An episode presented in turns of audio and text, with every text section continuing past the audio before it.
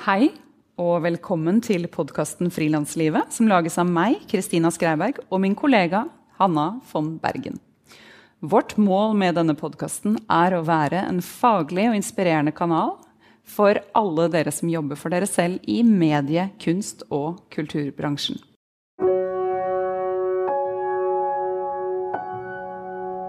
Ukens annonsør er regnskapsprogrammet Fiken. For snart fire år siden så tok Kristina og jeg en kaffe, og det var fordi Kristina spurte om jeg kunne vise henne hvordan jeg bruker fiken. Og jeg ville vise henne hvor lett det er å føre regnskapet selv. Og den kaffen, det var faktisk det som var startskuddet til denne podkasten. Da brakte jeg nemlig ideen opp, og Kristina kicka på den her, og dermed ble frilanslivet født. Fiken er et regnskapsprogram vi begge bruker, som vi helhjertet anbefaler til andre frilansere. For akkurat som oss heier de på at små aktører skal lykkes. Vil du prøve fiken gratis i 30 dager? Gå inn på fiken.no. Denne ukens episode av Frilanslivet er fra et live arrangement. Sammen med gjest Christer Falk sitter jeg nå foran et publikum under Scenetreff Trøndelag. Vi er i Verdal, en drøy time utenfor Trondheim. Ukens gjest, Christer Falk, har siden 90-tallet hatt et stort og hjertelig engasjement for norsk musikk og musikkbransje. Christer er plateprodusent, forlegger, forfatter, programleder. Mange kjenner han som mangeårig programleder for programmet Robinson-ekspedisjonen på TV3, hvor du deltok selv og vant i første sesong. Men Christer har også startet veldig, veldig mange prosjekter nærmere 1000 prosjekter som både bransjen og også publikum har hatt stor glede av. Som f.eks. konsertserien Kro Konerulling. konerulling? Ja, vi ruller konene våre rundt. Koronerulling. Som besto av 82 strømmede konserter under koronapandemien.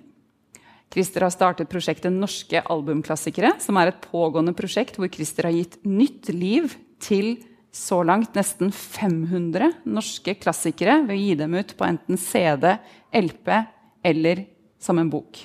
I 2021 så mottok Christer NOPAs formidlingspris for sitt arbeid og engasjement for norsk musikkliv. Juryens beskrivelse konstaterer bl.a. at Musikk-Norge hadde utvilsomt vært fattigere uten årets vinner. Jeg gleder meg til å høre hvordan Christer finner motivasjonen og guts til alle sine prosjekter, hva som driver ham, og ikke minst hvordan han får finansiert prosjektene sine. Christer er 53 år, har Tre barn. Og bor i Oslo. Hei, Christer. Hei. Hyggelig å få lov å komme. Du, jeg har lest at du syns mandag er den beste dagen i uken. Hvorfor det? Altså, jeg er Jeg jobber jo hele alle dager i uka. Jeg har jo aldri hatt en sånn tenk, tanke om at helgen skal være sånn fri uke. Men da merker jeg at når jeg jobber i helgene, så blir det dårlig stemning. Og da tenker jeg at når mandagen kommer, så blir det god stemning igjen. Så jeg har alltid hatt sånn god, godt forhold til mandager. For da, da, er folk, da tenker vi ja, nå kan du få lov å fortsette sånn som du gjør. Men eh, jeg er jo veldig heldig da, som har en uh, kjæreste som er ganske tålmodig. Fordi at jeg, jeg går så ekstremt all in i alle prosjektene mine at, jeg, at det blir litt sånn tunnelsyn. Jeg, jeg klarer ikke å, å, legge ting fra meg. Og det er også når du driver sjøl, så er du egentlig aldri ferdig på jobb. For det kan alltid knas og eltes og gjøres litt bedre og litt uh, større og litt uh, sterkere. Alltid. Så jeg, jeg greier liksom ikke å legge ting fra meg. Og det hørtes jo ganske slitsomt og trist ut, men, men jeg syns jo det er det gøyeste i verden. Jeg velger jo bare prosjekter som jeg, som jeg, elsker å jobbe med. Og da er det jo egentlig ikke jobb. Da er det, det er som liksom å sitte og drive med hobbyen sin syv dager i uka. Fra du står opp til du legger deg, hver eneste dag. Men når du sier at du jobber mye, altså hva er, hva er mye? Hvor mye? Nei, hvis i snitt sånn ordentlig jobbing, kanskje 14 timer om dagen. Men så jobber jeg jo også med at jeg, jeg begynner om morgenen. Da våkner jeg klokka syv. Og da er det alltid en del meldinger som har kommet i innboksen min. Og så svarer jeg alltid på det. Så står jeg opp og lager mat til ungene. Og når de har gått på skolen, da er jeg på jobb. Og det er vel fra åtte. Og så jobber jeg jo egentlig hele dagen eh, med forskjellige ting. Da. Akkurat nå er det jo ekstremt mye, for nå, nå gir jeg jo ut uh, fem plater og en bok i uka. Og det er jo egentlig sånn litt umenneskelig, men det går fordi at uh, jeg har masse flinke folk rundt meg som gjør mye av dette her for meg og med meg. Så det egentlig er liksom å Jeg er litt sånn puppet master. At jeg sitter og må sørge for at de leverer det i tide, de gjør det, det må det gjøres da, det må gjøres. Mye koordinering og mailing? Ja, mye, mye styr. Og så er det jo så mye at det går egentlig ikke an å ha full kontroll på alt. Men det jeg syns er gøy nå, er at jeg har fått med barna mine Uh, altså jeg har leid kjelleren på Matkroken rett ved siden av huset jeg bor. Uh, jeg har fått lov å leie hele kjelleren der, hvor jeg har lageret mitt. Og der kommer de og pakker, stempler konvolutter, og der har vi liksom høre på musikk. Det er liksom da jeg ser ungene mine mest. De har blitt såpass store, de to eldste ungene, at det er ikke så gøy med pappa lenger. Men nå har jeg i hvert fall greid å få dem ned i kjelleren. Jeg må betale dem, selvfølgelig.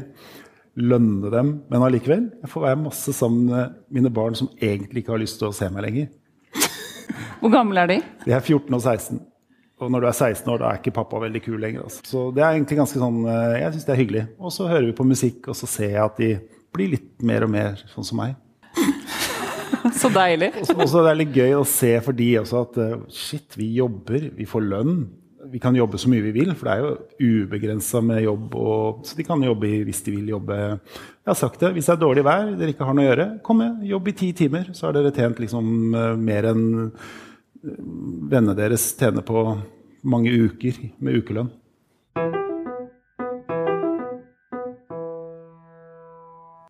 Hvordan kommer ideene til de forskjellige prosjektene dine til deg?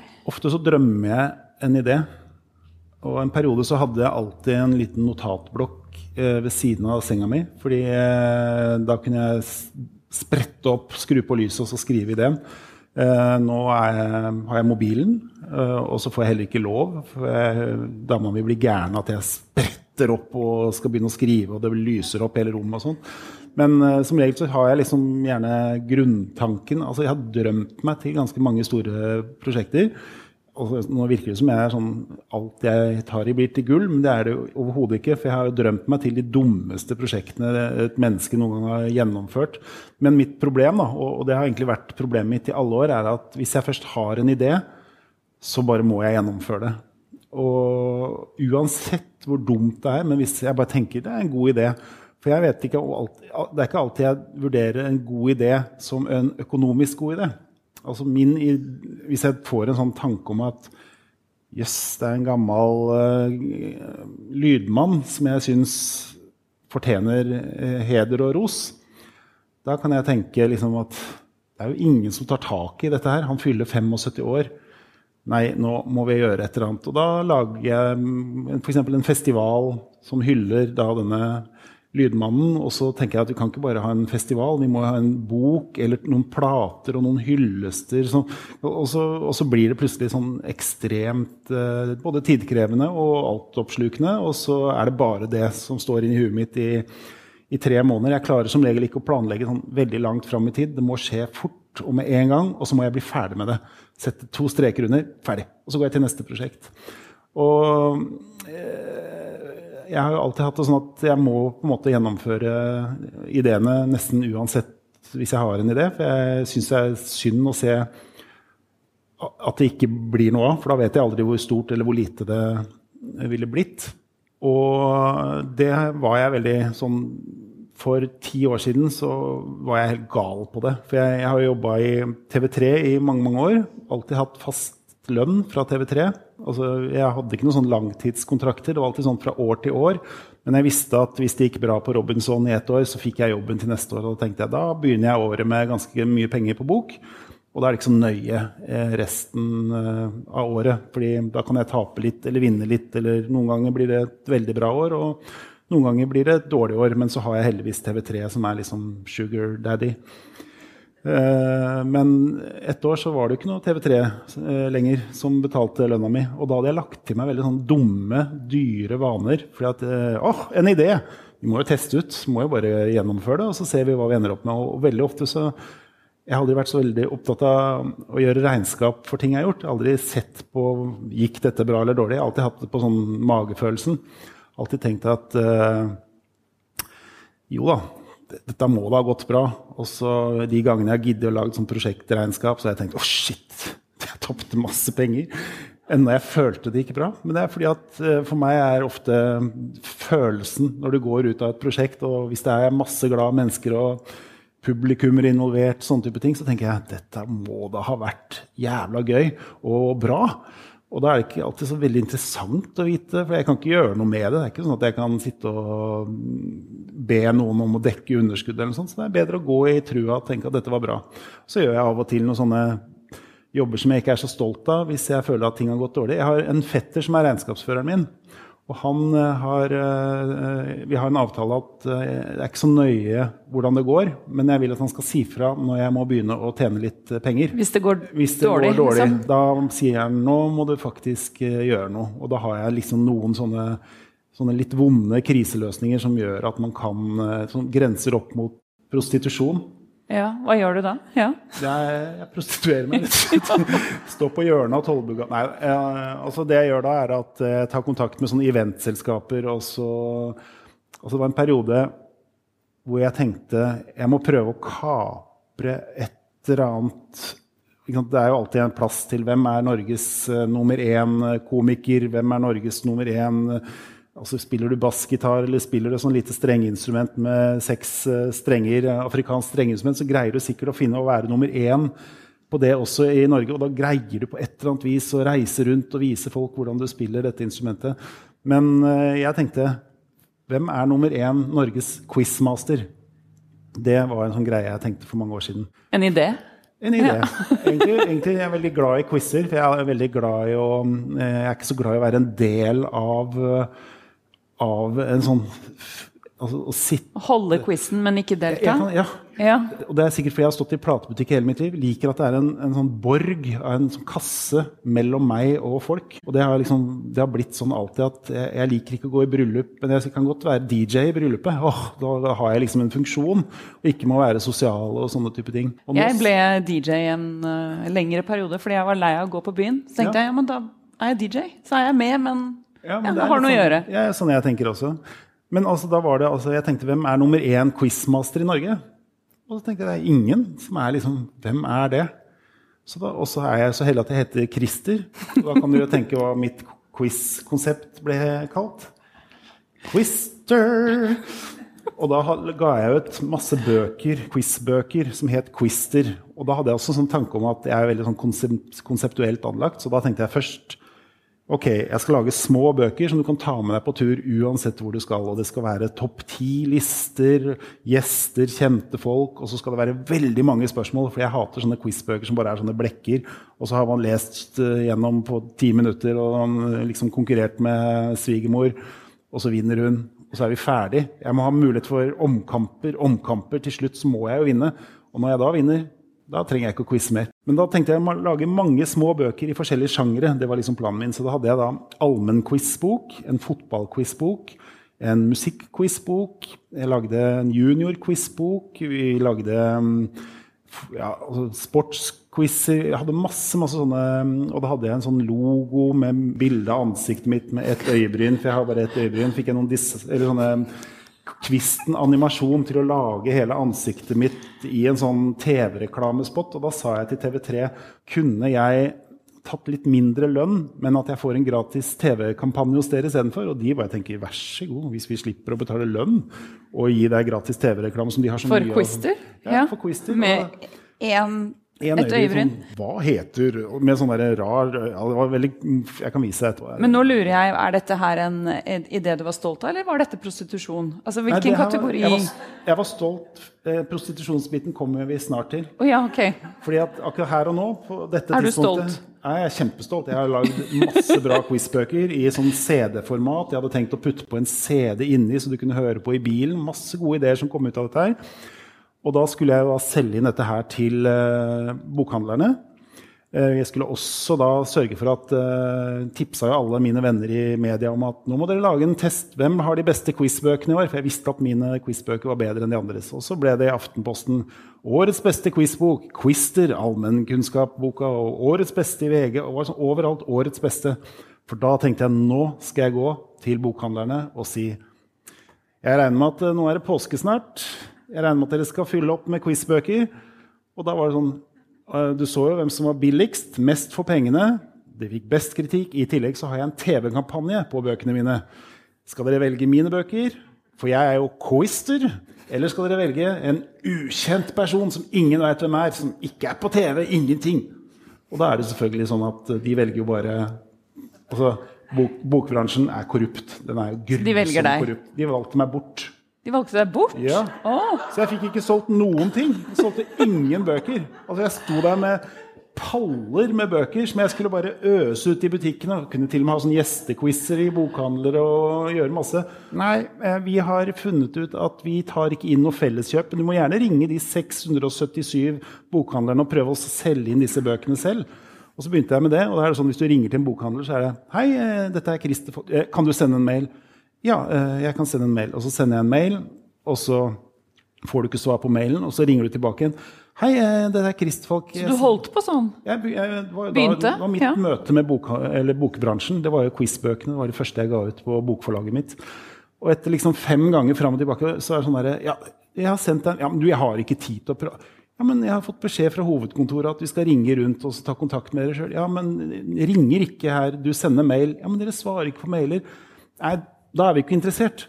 Skjønte, jeg skjønte ikke. Jeg kommer jo fra platebransjen. Der er det sånn at Jeg sto i en platebutikk. Hvis en plate fikk seks stjerner, uh, terningkast seks i, i, en eller annen stor avis, og du skjønte at dette her var bra ting, så tok du bare masse plater inn, så solgte du dem, og så var det greit. Bokhandleren Nei, vi tar null, vi. Vi tar null av den boka di, som veldig mange spør etter. Men vi har nemlig en annen quizbok fra Aschehoug eller Gyldendal en av våre egne altså er, altså jeg, på, jeg satt bare og tenkte hva er dette for en sjuk bransje? Det er livet som selvpublisist? Ja.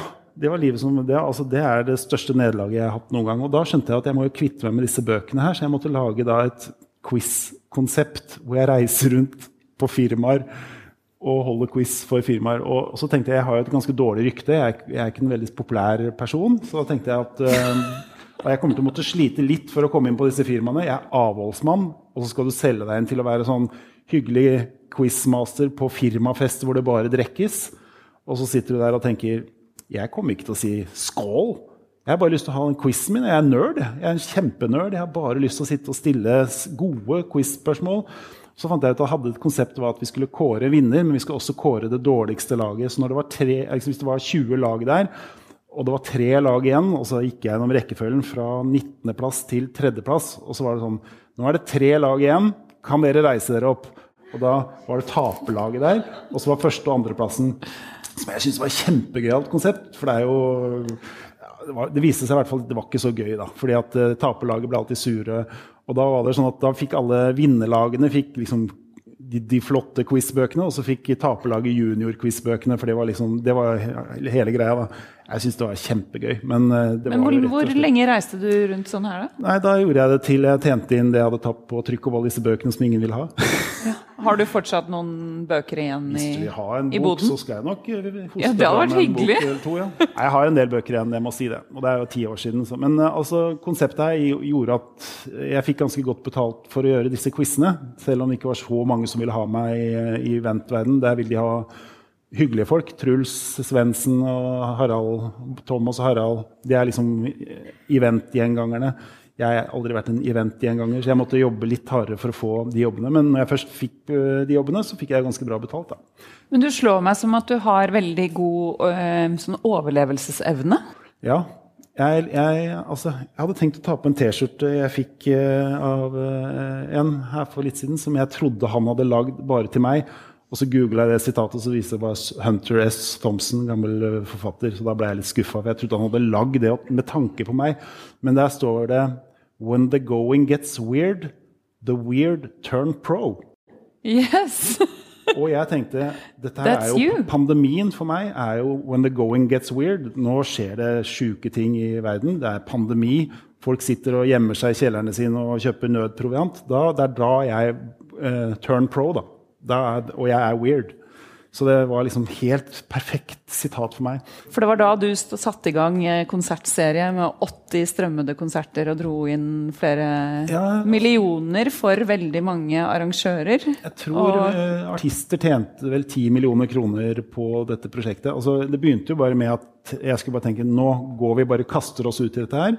Dette her kommer til å bli eh, bra. Vi fikk en liksom overordna beskjed fra Abid Raja at eh, ingen skal tape penger under pandemien. Eh, vi skal ha gode støtteordninger. Så vi ikke hører liksom her skal du kunne søke om støtte, men vi var jo allerede i gang to dager etter pandemien. Så hadde jeg den første koronerulling-konserten med en som heter Jonas Alaska på Sentralen i Oslo.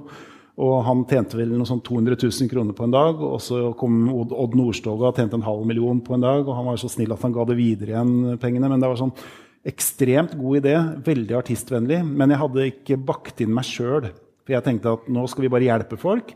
Og så skulle jo da Abid Raja komme og så gi oss en hyggelig sluttlønn. Og forhåpentligvis så fikk vi alle regningene dekka. Og så kanskje vi satt igjen med noe sjøl, siden vi hadde gjort en eh, såpass fin eh, ting. For det var jo en veldig sånn idealistisk, flott tanke som lå bak. Men, eh, Men hva får deg til å glemme deg selv? eh, jeg tenker så mye på meg selv hele døgnet. At, ja, ja. Akkurat da tenkte jeg at uh, han er ikke så viktig. Men jeg, jeg trodde jo at dette skulle løse seg. Så jeg hadde jo egentlig håpa på at altså hvis, hvis man skulle begynne sånn å tenke at jeg skal ha 20 av alle pengene som kommer inn, f.eks., da begynner man å tenke da vil du bare ha store artister.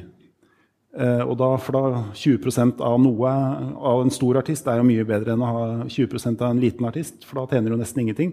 Men så satt jeg og tenkte at hvis jeg begynner å tenke den tanken der, så er jo ikke dette her et kulturelt viktig prosjekt. Da er det bare sånn melke Putter du på liksom Odd Nordstoga, og så putter du på de, alle disse store artistene, og så sitter du og melker, eh, og så har du sittet og, blir en sånn krigsprofitør, for det er jo det du blir hvis du skal tjene penger under en pandemi. Så jeg tenkte at nå ofrer vi alt som har med egne tanker om oss sjøl, og så regner vi med at vi blir redda av Kulturrådet. fordi at de fikk jo en milliard kroner eller hva det var for noe som skulle deles ut. Ble dere det? Nei, jeg tapte Delvis? tapte nesten alt jeg eide og hadde. Fordi eh, Jeg vet ikke hva som skjedde der, men eh, altså, det tok jo fire måneder før du kunne søke på noe i det hele tatt. Og da måtte vi jo slutte med dette her. Det var et, et utrolig velfungerende konsept som artister tjente masse penger på. En, flere artister som liksom har kommet i ettertid og sagt at hadde ikke vi gjort det under pandemien, så vet vi ikke hva vi hadde gjort. Fordi den ene konserten gjorde at vi kunne slappe av et, et halvt år. Men eh, vi fikk vel eh, Vi hadde vel utgifter på sånn 1, et eller annet millioner, og vi fikk 500 000 i støtte, og da tapte jeg jo egentlig et, en årslønn på, på det. da. Hvordan takler du det, da? Nei, da jeg, altså jeg hater Kulturrådet.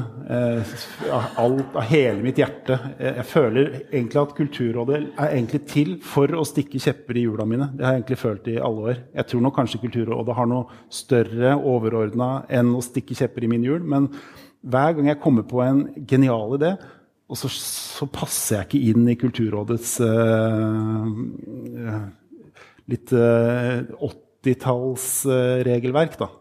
Altså jeg, jeg prøver å tenke stort. Jeg tenker alltid altså Der er det sånn du må søke om penger til den boka, og da kan du få penger til den boka. Det er liksom Kulturrådet.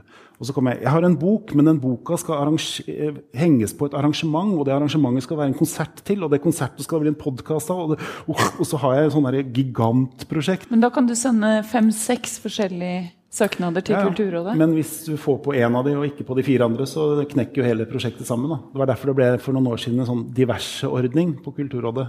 Hvor du kunne søke på et sånt generelt grunnlag. Men da fikk jeg vite På grunn av deg at den kom, kanskje? Ja. Jeg tror, ja, men Det var nok kanskje det òg, for jeg hadde klaget så mye, og plutselig så var det der. Eh, de, har jo, de skjønner jo at etter hvert så vil jo øh, verden gå videre. Men Kulturrådet har liksom vært sånn som det har vært siden, siden Stalins dager. Godt sagt. Nei, men i hvert fall så, så, så er jo ikke Kulturrådet helt på, på, på nett på alt. Og så er det jo, så er det jo sånn at man øh, Altså, jeg hadde en annen ting. Jeg lagde en, en strømmekonsert med folkemusikk. Norsk folkemusikk booka 16 artister. Jeg fikk først, Da fikk jeg støtte fra Kulturrådet. 400 000 kroner for å lage en strømmekonsert for folkemusikere i Norge. Som er kjempefint. Jeg ble jo glad. Jeg hadde alt hatet mitt fra Kulturrådet. Det kom jo, da ble det litt sånn kjærlighet i hjertet mitt. Og så eh, arrangerte jeg konserten, men i mellomtiden så var det sånn at eh, da var det lov å ha 50 personer på en konsert. Og jeg tenkte jeg skal jo bare strømme dette her, lage en konsert. Denne festivalen skal vi jo selge til hele verden, sånn at folk kan kjøpe og se disse konsertene. Jeg, altså Om det var 50 i salen eller 25 eller 200, spilte ingen rolle for meg. Og da var det selvfølgelig sånn at jeg hadde ikke lov til å arrangere disse strømmekonsertene, fordi at da var det eh, disse 50 som da skulle være så heldige å få lov å komme de kunne ikke komme lenger. Men da hadde jeg allerede booka. Så tenker jeg om de ser den live fra sentralen i Oslo, eller om de ser den på nett, eller om Det spiller jo ingen rolle. Og dette er jo en, jeg lagde en festival for hele Norge, og for hele verden, egentlig. Ikke for de 50 som skulle komme. Men da endte det altså opp med at uh, vi fikk 400 000 kroner, men så måtte vi betale tilbake alle 400 000 kroner fordi det ikke var noen folk i salen. Så tenker jeg, men disse folka, om de var i salen og så konserten, eller om de så den hjemmefra, spiller ingen rolle. Det viktigste er at vi fikk laget en festival, lønna massevis av flotte folkemusikere. Nei, du får null kroner. Så da måtte jeg betale tilbake 400 000. Så tapte jeg 400 000 på det òg. Heia Kulturrådet! Så det er så glad jeg er i kulturen. Nå hater jeg det igjen sånn skikkelig. Alt du kjente det litt når du snakket om det nå? forsvant bare boff, rett ja. ut. Masse hat, kjærlighet, ja. hat igjen. Ja, nå er det hat. Men jeg liker mm. også hat er en ganske god drivkraft for meg. Altså, ja, jeg, fortell. Nei, altså Hvis uh, noen sier at uh, dette får du ikke til, da blir jeg liksom Og da gnir jeg meg i hendene, for da blir det sånn ekstra viktig. Og så tror Jeg det er, altså jeg har aldri tenkt at jeg er en frilanser før dere uh, inviterte meg til en frilansblogg. Og så tenkte jeg ja, men jeg har jo forlag og selv, jeg driver jo Men så tenker jeg jeg er jo en frilanser, for jeg er jo helt avhengig av at dette jeg driver med Du driver for deg selv? Ja, jeg driver ja. for meg sjøl, og alt dette går jo Det er jo det som er kanskje en frilanser. Ja, det, det, det, er det vi alltid, tenker, i hvert fall. Jeg tenker at en frilanser er en sånn stakkar som plutselig ikke har noe å gjøre. Det er mange som tenker det. Ja, men vi prøver å gi det en oppreisning. At det, vi er eh, folk som tør å gå for drømmene våre og stå alene i motgang og medgang. ja, Nei, men det er jo egentlig en, jeg er jo en frilanser. Så det er vårt, eh, det er vårt prosjekt uh, i kulissene da, i mm. frilanslivet. Å gi oss denne yrkesgruppen, eller denne arbeidsformen, en uh, renessanse.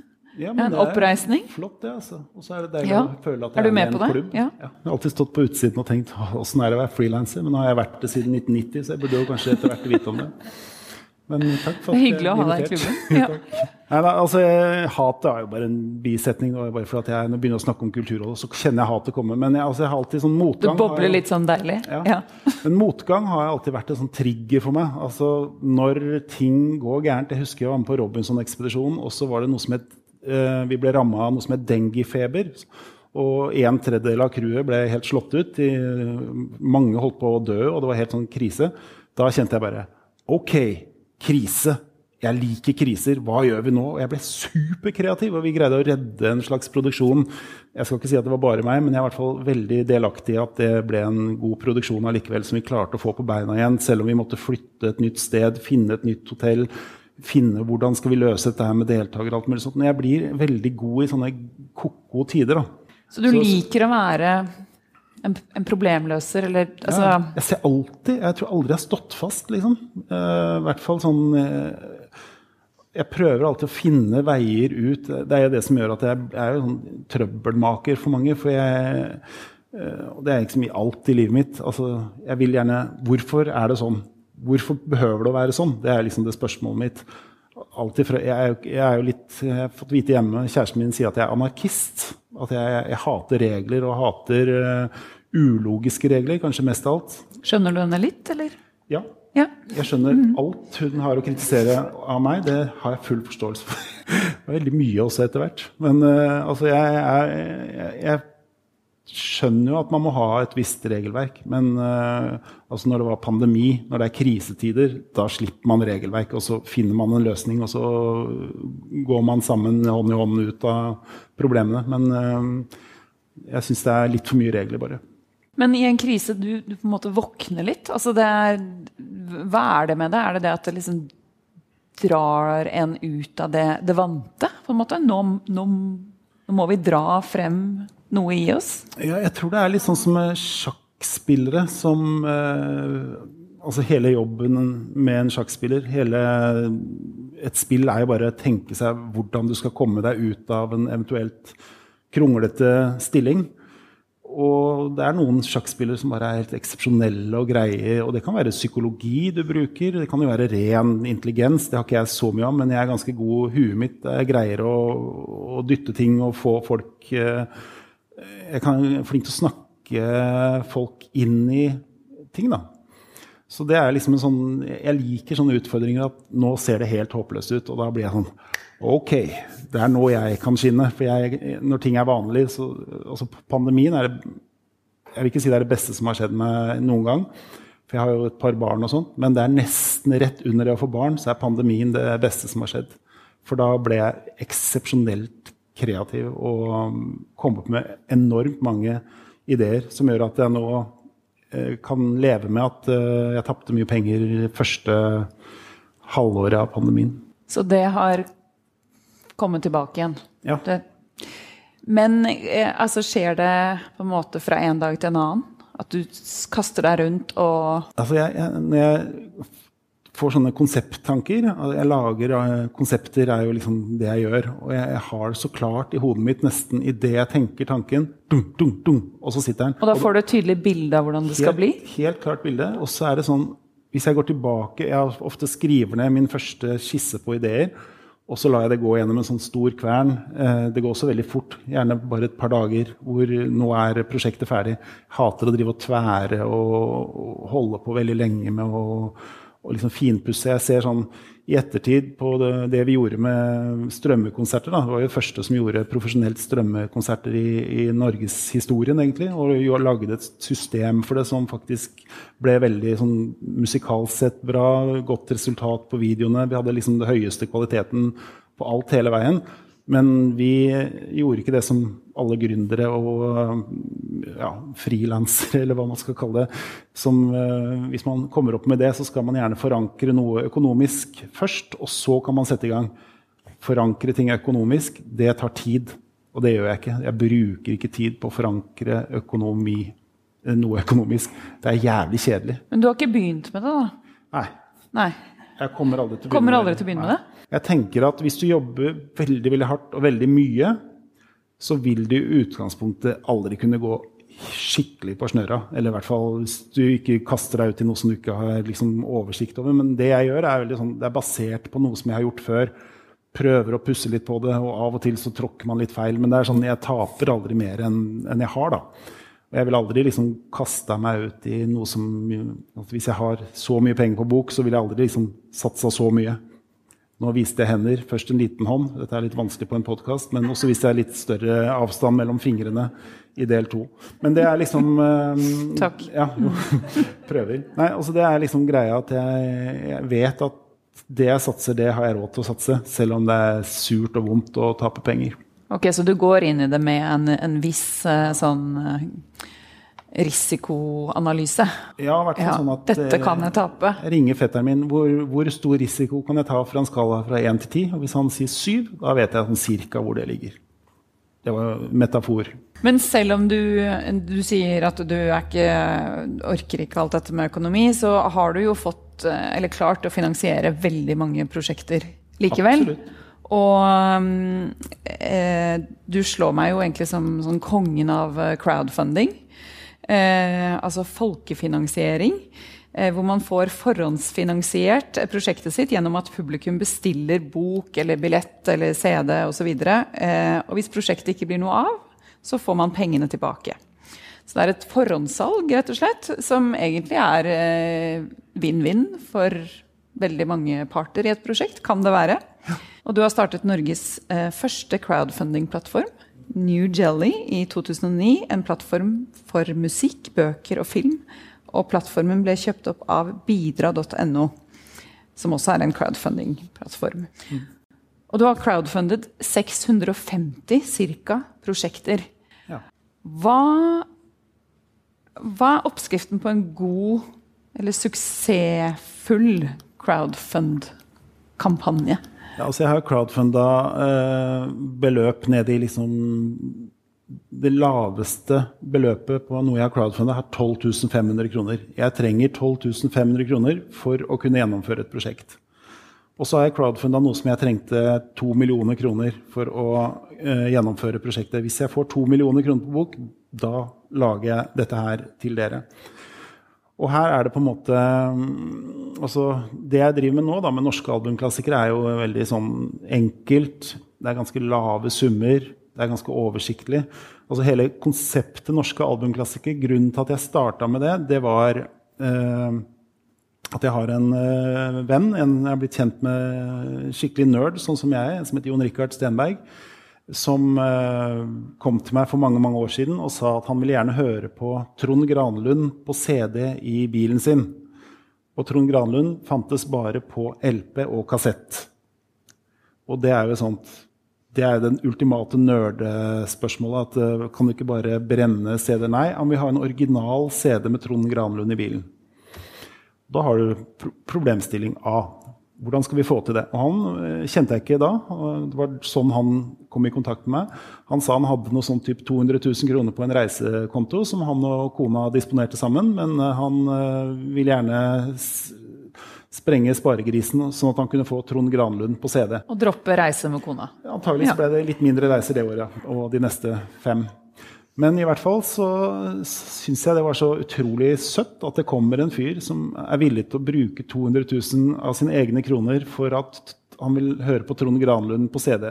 Han hadde jo selvfølgelig ønske om å høre på CD, men han hadde også et ønske om at Trond Granlund, som var hans favoritt, en av hans favorittartister, skulle bli stor, og at han skulle få en, eh, en ny vår, litt sånn som vi snakka om uh, tidligere. Men han gikk til rett person, for det er jo ja. kanskje ikke alle som ville tenkt 'å, så søtt', dette må jeg gjøre noe med? Ja, de fleste ville nok bare tatt 200 000 kroner og så lagd disse her CD-ene og så tjent penger på det. Men da tenkte jeg at uh, sånne folk, er noe, de er unike, på en måte. Sånne folk har jeg lyst til å bare ha i livet mitt, fordi at uh, dette er, det er idealisme. I, I åttende potens. Du får jo ikke mer idealisme enn sånne mennesker. Og da tenkte jeg altså, Norsk platebransje er ikke så veldig idealistisk eh, lenger. Eller har vel kanskje ikke aldri vært det, men jeg tror ikke det er så mange idealister igjen. Da. Jeg føler at alle passer mest på seg selv og sørger for at de får lønn, og så er de fornøyde med det, og så kan de gi ut plater og sånt, men de, være, de, de forankrer alle ideene sine økonomisk først. Det er veldig sånn i gamle dager så tok jo folk sjanser, og så av og til gikk det bra, og av og til gikk det dårlig. Og av og til gikk det bra med andres penger, så de tjente mer, og av og til gikk det dårlig med egne penger, eh, og at man gikk på smeller. Men altså, det er en idealisme som jeg syns er blitt litt borte da, av norsk musikk. Men tilbake til Jon Richard. Han øh, kom til meg med dette prosjektet. Hvordan skal vi få til dette her? Og så sa jeg, men hva er det du har lyst til å høre på av Trond Granlund på CD? Nei, altså All musikken hans fra 1973 til 1986 fins ikke på CD. Så tenkte jeg så rart. Det er jo Trond Granlund, er en stor artist. Eh, I hvert fall på 80-tallet var han jo en av Norges mest populære artister. Så hvorfor har ikke plateselskapet gitt ut de platene? Det er jo helt merkelig. Musikken lå ikke engang på Spotify. Det var ikke på strømmetjenesten. Det var ikke mulig å oppdrive Trond Granlund hvis du ikke da satte på din egen LP eller kassett. Og Da tok jeg kontakt med Trond Granlund og så spurte jeg, du, eh, kunne du tenke deg å donere en konsert til meg. Altså Du får egentlig ikke donere en konsert, men han, eh, hvis han gjorde en konsert for meg, eh, uten at Jon Richard da visste om det, så skulle han få en del CD-er tilbake som han kunne selge på turneer. et eller annet sånt noe. Så sa han ja, vær så god, herregud, bare hyggelig å kunne gjøre en liten konsert. Og da sa jeg men da må du spille musikken din fra 1973 til 1986, som er en absurd uh, forespørsel i seg sjøl. Så sa han nei, det er musikk jeg ikke helt står inne for lenger. For han var jo egentlig en rock'n'roll-artist først artist først, og så ble han en popartist. Og så begynte han med countrymusikk, og nå driver han og lager sånne Oslo-sanger og litt sånne sagende stå på krava-låter. Men, men, men, jeg greide å overtale han til å gjøre Han har bl.a. en sang som heter 'Girl 16'. Det er litt usjarmerende at en mann på 70 år synger om jente på 16, men han kunne gjøre om den til 'Girl 60' istedenfor. Så, så han kunne synge om dame på 60. Og han syntes at dette var litt morsomt. Så det vi gjorde da, var å lage en boks bestående av 13 CD-er med Trond Granlund. Som vi da måtte jobbe fram. Eh, ganske mye jobb. Vi må jo først hente ut masterteipene som ligger på Nasjonalbiblioteket. Disse her skal remastres, og så skal vi skrive liner notes, vi skal ha et intervju inne i boksen. Så det blir en sånn komplett pakke med alt Trond Granlund noen gang har gitt ut fra 73 til 86. Eh, og istedenfor at vi bare da bruker den gamle måten å tenke på, det er at man tar den jobben, og så håper man at man klarer å selge så mye at uh, man tjener tilbake pengene. Det er liksom sånn klassisk uh, ting har fungert i, siden uh, tidenes morgen, før crowdfunding starta. Men så tenkte jeg at hvis jeg setter opp en konsert med Trond Granlund og sier at for 1000 kroner så får dere boksen, og dere får også en unik opplevelse med Trond Granlund, som skal spille disse sangene som han ikke har spilt på 30 år. Og det skal skje for kun de første 150 menneskene som forhåndsbestiller. Og så solgte vi 150 billetter, og så var vi i break-even. For da hadde jeg jo pengene på bok, og så betalte jeg regningene. og Så ble det null kroner igjen på det, men så hadde vi jo da trykt opp ganske mange ekstra plater. Så fikk Trond Granlund noen plater, så solgte vi plater. Så plutselig, så istedenfor å bruke 200 000 fra Jon Richard, så satte vi igjen med 200 000 kroner. Men hvor finner du disse 150 første kjøperne som da kommer på konsert? Altså, er, hvor, hvor, deler du? ja, Det er det fine med nå, eh, f.eks. Eh, I, i nå kontra ti år siden hvor det ikke var noe Facebook. For eh, det fins faktisk grupper på Facebook som Trond Granlund har en egen side, fanside. 2000 mennesker kanskje der. Og så er det vi som likte musikken på begynnelsen av 80-tallet. Det er en gruppe som heter på Facebook tenker jeg. Vi som likte norsk pop fra 1980 til 1984 Det fins jo tusen sånne ko-ko Facebook-grupper hvor folk bare lager en sånn gruppe. Vi har bare lyst til å snakke om musikken vi, som vi likte i 1982. For det var da jeg digga, musikken. Og så etter det så gjorde jeg noe helt annet. Og så leita vi oss fram og, og pirka det inn her og der. Og så viste det seg til var en dame da, som Å, han Trond Granlund han var god venn av Marius Müller. Og jeg driver Marius Müller sin fanside, som har 73 000 medlemmer. Det er sikkert 100 av de som er eh, Trond Granlund-fans. Og så fikk vi masse folk til å dele. Og så eksploderte det litt, og så solgte vi ut de 150 billettene. Vi kunne sikkert solgt to konserter med Trond Granlund, men jeg tror ikke han hadde orka å synge disse 80-tallslåtene mer enn den ene gangen. Så da kunne vi jo tjent liksom, gode penger fra dag én. Men da skjønte jeg liksom det at shit, det er null risiko. Og hvis vi ikke hadde tjent de pengene, måtte vi jo ta av Jon Rikard eh, reservebeholdning. Men, eh, men, eh, det viste seg at det var 150 som likte Trond Granlund. Og var villig til å betale 1000 kroner for en helt unik opplevelse. Altså jeg sitter jo og tenker at dette er supersmart. Men jeg tror jo også mange er mer komfortable med å dele og vise prosjekter som er ferdig. Sånn, jeg har gjort dette, alt gikk bra, jeg landa på beina. Fremfor å vise sin litt mer sårbare prosess. Som jo egentlig crowdfunding handler om, som handler om en drøm. Jeg drømmer om å gjøre dette, og for å få gjort det, så trenger jeg deg og deg og deg og deg, og kanskje deg som samarbeidspartner, og litt støtte fra deg. Og, og, og jeg syns jo det er noe utrolig fint å tørre å dele fra prosessen. Men hva tenker du om det? Hvor jo, jeg er helt enig. Hvis jeg skulle gitt ut en plate og sagt at jeg skal gi ut denne plata hvis jeg er populær nok. Det er jo egentlig det man spør om. Og så viser det seg at jeg ikke er populær nok. Ja. Da hadde jeg tenkt Da hadde jeg følt meg ganske dum.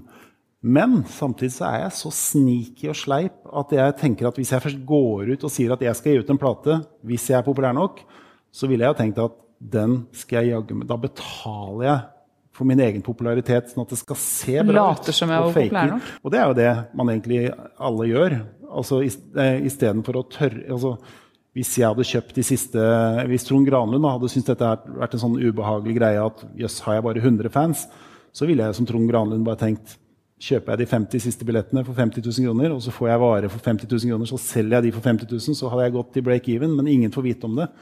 Han gjorde ikke det, altså. bare så det er sagt. Men, eh, men det er liksom, tanken er jo at eh, Det er jo sånn, er en sånn eh, illusjon man, man vanligvis skaper. finansierer prosjekter, ja. med ja. å ikke ja, med å kjøpe seg sin egen popularitet. Ja. ja, og det har skjedd i alle år. Fra folk som har kjøpt seg inn på VG-lista for å se mer populære ut. Jeg, vet ikke, jeg er jo litt sånn at Hvis jeg har juksa i Scrabble når jeg spiller med kjæresten min, så blir jeg like glad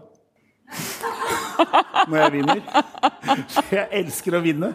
Og det er litt sånn det er, da. At, uh, altså det er jo hvis, man først går ut uh, i, blant folk og sier at du skal gi ut en plate, så er det jo sårbar uansett. Du er sårbar hvis du ikke blir booka. Du kan gå inn på hjemmesida til en artist og si Oi, to konserter i hele 2023. Går det bra, eller? Ja, det går så bra med meg.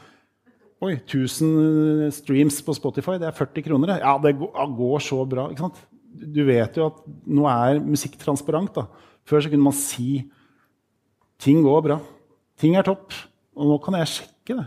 Jeg kan gå og sjekke ligningsattesten til artistene. hvis det er det om å gjøre. Men, men det å crowdfunde noe altså Gamle dager, da. Bruke gamle dager, for det er ikke mer enn noen år siden gamle dager i musikken var. Og det er jo at uh, da ga man ut en plate, solgte det til platebutikker, og så solgte platebutikkene det ut til fans.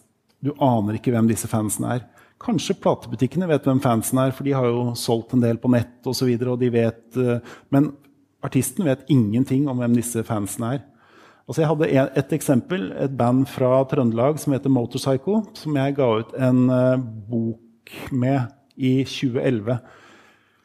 Det er jo et sånt band som har ekstremt mye fans. Uh, som, som Det fins et par tusen mennesker som skal ha alt. Bare Motorpsycho gir ut en uh, Hvis jeg hadde prompa på en singel, så hadde det antageligvis uh, blitt uh, 2000 mennesker skulle ha den prompen også på plate. Fordi det er samlere som skal ha det. Sånn som du hadde det med Prince? Ja, jeg har det sånn fortsatt jeg med Prince. Ja. At jeg kjøper jo alt Prince gir ut. Og jeg har, eh, Men ikke noe promp lenger, dessverre? Jeg fikk aldri tak i Prince sin promp. og døde jo i nå, 2016. Skulle gjerne gitt mye. mye for dem. ja, men i hvert fall, eh, da solgte jeg altså 980 bøker. Forhåndssolgte 980 Motorpsycho-bøker. Det var mitt første møte med Motorpsycho. For fansen spredde dette her. Altså Hvis du går ut og sier hvis uh, dere kjøper denne boka her, så får dere den nummerert. Uh, og vi trykker opp det antallet mennesker som er villige til å kjøpe boka. Det er én måte å crowdfunde på. Da ville jeg tenkt jeg vil ikke spre dette her til noen. For jeg vil jo at det skal være så lite opplag som mulig. For da sitter jeg på en enda sjeldnere plate. Men det er mulig altså å tweake det budskapet som gjør at dette her går viralt. Da. At du går ut og sier hvis vi når 1000 mennesker som skal kjøpe denne boka her, da trykker vi opp boka.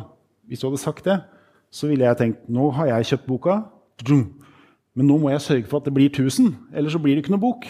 Da må jeg fortelle det til mine fem Motorpsycho-fans. Veldig smart. Og så forteller de det til sine fem fans, og så sprer det seg, og så har du solgt 1000. Men da er det stopp. Men da har dere vært så heldige at du har fått Og gjerne hvis du er liksom nummer én, den første som kjøper, får nummerert førsteeksemplaret av Motorpsycho-boka. Og så er det liksom Det lønner seg å være tidlig! Da går det bare i løpet av no time, da. Det prinsippet har jeg jo fulgt med med norske albumklassikere-konseptet vårt. Det er jo at uh, at uh, det er et lite antall mennesker som skal forhåndsbestille en plate. Men hvis vi når det målet, da trykker jeg den opp og lager plata for dem. Når vi ikke målet, så får alle pengene tilbake. Alt er glemt. Litt såra stolthet, men, uh, men uh, jeg har ikke noe stolthet. Nei, den såra stoltheten, det takler du? Ja. Ja. ja null, altså det er jo egentlig det jeg har blitt da, på mine eldre dager. En profesjonell tigger. For det er jo egentlig det crowdfunding er.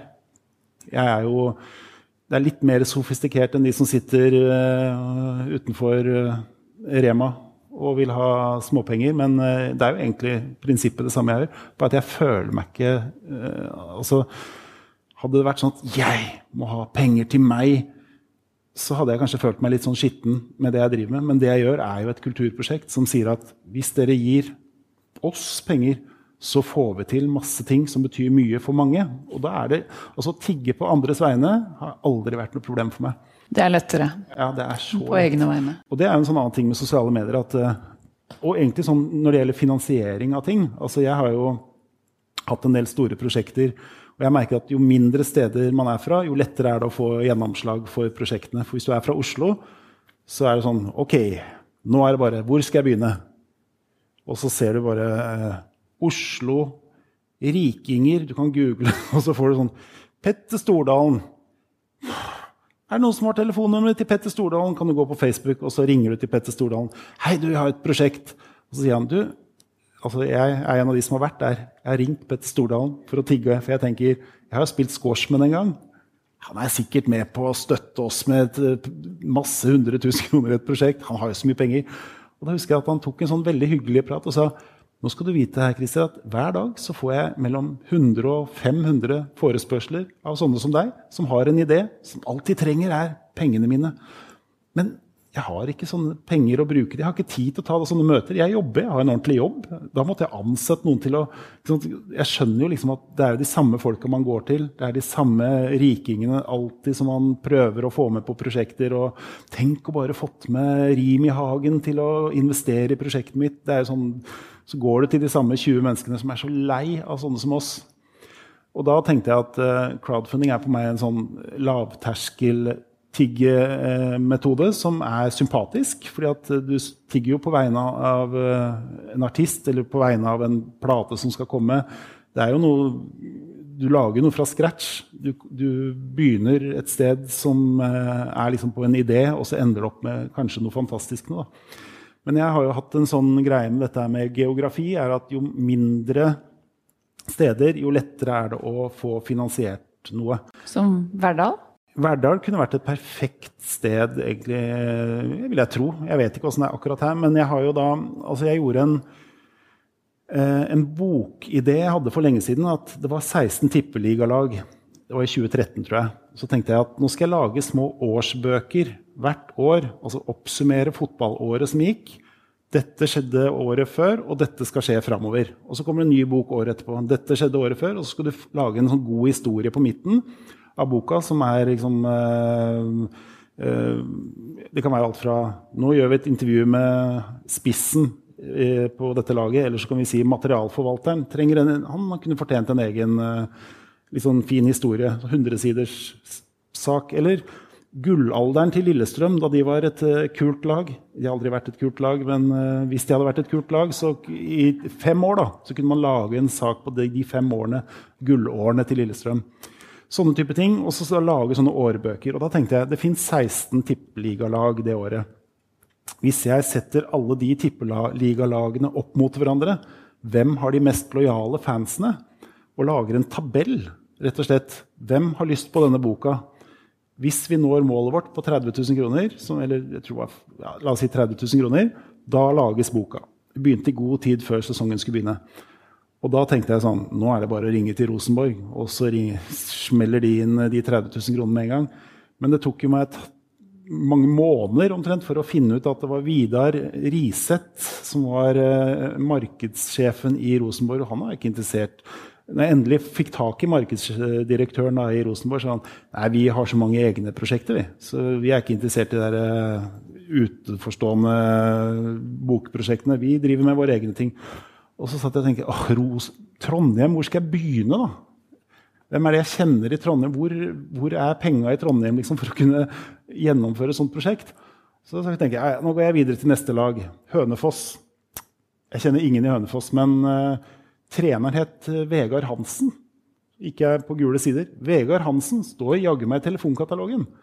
Hei, Vegard Hansen. Hei, jeg heter Christer Falk. Jeg har en sånn bokidé og prøver å lage en bok om Hønefoss.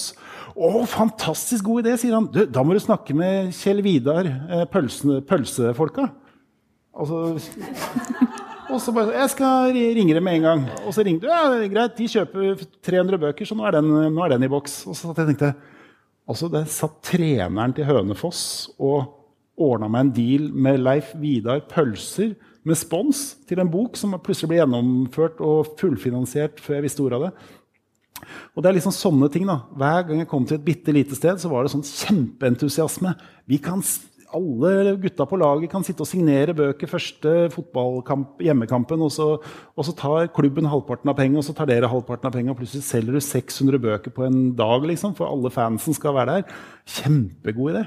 Men Rosenborg de det var en av de som lå dårligst an på denne tabellen vår. da, når vi hadde sånn økonomitabell.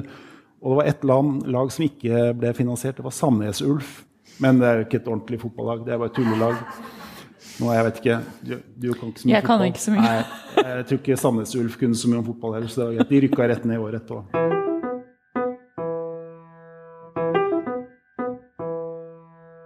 Vi, vi, skal straks runde av. Uh, men eh, hva gjør du når du kobler av? Hvis du kobler av? Kobler ikke av. Nei. Jeg, det går helt i spinn hver dag hele tida. Fra jeg står opp til jeg legger meg. Nå har jeg akkurat fått et nytt lite barn, så det er liksom det nærmeste jeg kommer. Men jeg ligger der og Hvilket nummer var det på den plata igjen? Jeg skulle, altså, det er sånn hele tida. Så jeg, men nå har jeg liksom satt av disse årene det tar, hvor det er, det er fullstendig kok i huet.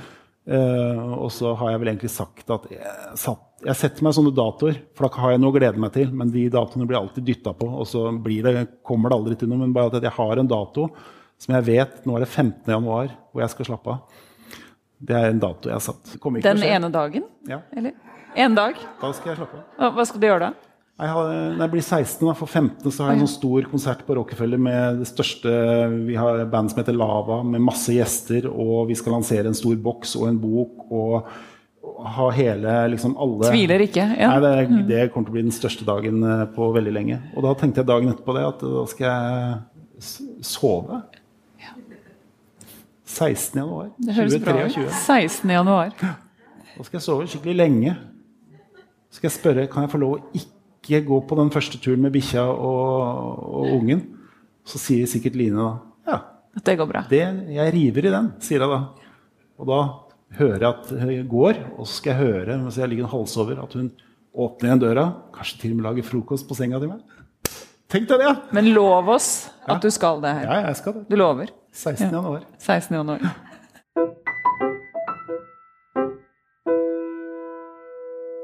Hvordan syns du det her gikk? Nå skal vi runde av og vi skal ta imot noen spørsmål. Men da jeg snakket med deg på telefon før det her, så sa du at du er redd alle sånne intervjuer er ute etter å ta deg. Ja. Og at vi virket som to hyggelige podkastverter. Mm. Var det hyggelig? Det har vært veldig hyggelig. Eh, jeg er jo alltid sånn Til og med altså, Jeg hjalp til å sette opp et sånn sirkustelt utafor der i stad. Jeg går og tror hele livet mitt så tror jeg at, jeg på, at det er sånn skjult kamera. Nå blir jeg lurt. Og så var det en som sa kan ikke du gå under dette teltet og så sette opp en sånn stang? Og da står jeg altså under et møkkete sirkustelt i Verdalen, holder i en stang, og så tenker jeg nå kommer det noen med kameraer utafor. Og så bare Vi hadde det! Sånn er livet mitt hele tiden. Jeg går hele tiden. Hvis jeg ser noen som Jeg husker det var sånn der, hva heter Komplottet, som gikk på TV3. Og hver gang jeg ser noe som er helt sånn rart altså Jeg, var, jeg husker jeg, jeg signa en artist en gang, for jeg trodde at den artisten var med på et sånt skjult uh, kamerakonsept. Og så sørte han fiskesuppe utover hele meg. Og så hadde jeg avtalt med han jeg drev plateselskap med, som het Frode da, at jeg tror dette her er sånn skjult kameradag. Kan ikke vi gjøre det sånn at hvis jeg gir deg et signal, så later jeg som jeg besvimer og later som jeg har hjerteproblemer. Et eller annet sånt, bare for å lure de som skal lure meg. Da. Det var liksom min store drøm. at Hvis jeg skal være med i skjult kamera, og så lurer jeg de som lurer meg, til å tro at noe grusomt så reiser jeg meg på et eller annet sånt. Og når jeg da hadde masse fiskesuppe over meg sjøl, og jeg var helt sikker på at det var så mye ledninger rundt i huset, og alt mulig, så tenkte jeg nå ble jeg lurt. Og da så jeg på Frode, og så sa jeg liksom Nå veit jeg at dette her er skjult kamera. Så jeg la meg ned og lata som jeg fikk sånn hjerteinfarkt og rulla på bakken. og sånt noe. Men det var jo ingen som kom ut for å redde meg. og da så jeg rundt meg, og så sto disse to gutta i dette bandet og bare Går det bra, eller? ja da. Jeg, jeg, fikk litt sånn sting i hjertet. Men, nei, men vi, vi gir ut den plata der, sa jeg da. Så ga jeg ut en plate som jeg kanskje ikke hadde tenkt å gi ut, hadde det ikke vært for at jeg var så paranoid. Sånn er det. Jeg sover aldri. Jeg er som en sånn edderkopp som sitter sånn og venter. Og så er det veldig lite å vente på, for det skjer jo veldig lite. Men uh, det, er, det, er, mitt problem. Jeg skal jobbe med gjennom det òg. Ja. Det virker som du har det, har det bra. Jeg tipper jeg ja. har det. Jeg vil ikke ha det sånn skikkelig bra, for da vil du alltid få en sånn nedtur etterpå. Så jeg, mm. mitt mål er å ligge på en svak firer på terningen. Mm. Kanskje mm. sånn snuse opp mot en sterk firer på sånne veldig gode dager. Men når jeg begynner å få fem 16. februar. Mm. 16. februar da blir det, skal mm. liksom bli min uh, terningkast fem-dag. Da mm. veit jeg hva skjer 17. januar da. Da våkner jeg opp til en toer. Mm. Men da kan du jobbe igjen, da så da er det jo ja, opp, en ny mandagsfølelse. Ja. Tusen takk, Christer. Selv takk. oh.